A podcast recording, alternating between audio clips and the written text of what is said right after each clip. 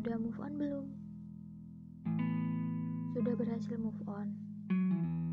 Bagaimana cara agar cepat move on? Banyak sekali orang yang bertanya tentang move on padaku. Seakan-akan move on adalah bagian penting dari kehidupan setelah patah hati dikumandangkan. Dan jujur saja, Aku adalah salah satu orang yang tidak mengerti konsep move on. Move on dapat diartikan sebagai pindah atau bergerak maju. Tetapi dalam hubungan anak muda saat ini, move on diartikan sebagai pindah ke lain hati. Tak masalah sebenarnya.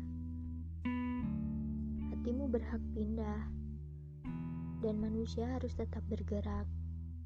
Tetapi, ada satu hal yang membuatku heran. Apakah setelah mengalami sebuah kepatahan, move on adalah salah satu yang harus secepat mungkin dilakukan? Menurutku, tidak selalu. Karena perasaan tidak mungkin seremeh itu. Untuk apa kita segera pindah ke lain hati setelah dikecewakan? Yang ku tahu, setiap luka butuh waktu untuk mencapai kesembuhan. Jangan sampai move on menjadi alasan untuk menemukan pelarian. Bukankah kau adalah orang jatuh hati dengan hebat sebelum patah hati menghampirimu dengan jahat? Lantas, Mengapa perasaanmu dapat berpindah hanya dalam waktu singkat? Bagiku, berpindah hati bukan tentang secepatnya menemukan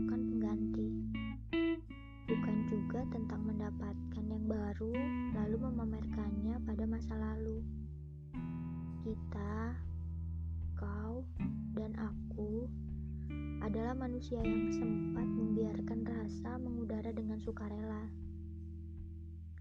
Itu berarti ketika dipatahkan, rasa kita perlu turun sejenak untuk dapat kembali diterbangkan. Jadi, untukmu yang mudah sekali berpindah-pindah hubungan dengan dasar harus move on, cobalah diam sejenak dan pikirkan Apakah move on yang kau lakukan sudah didasari dengan keikhlasan? Karena move on bukan hanya tentang mendapatkan hubungan baru, tetapi juga tentang mengikhlaskan yang telah lalu. Lalu,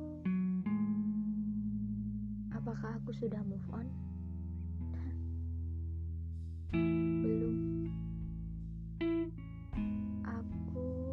berada dalam proses mengikhlaskan,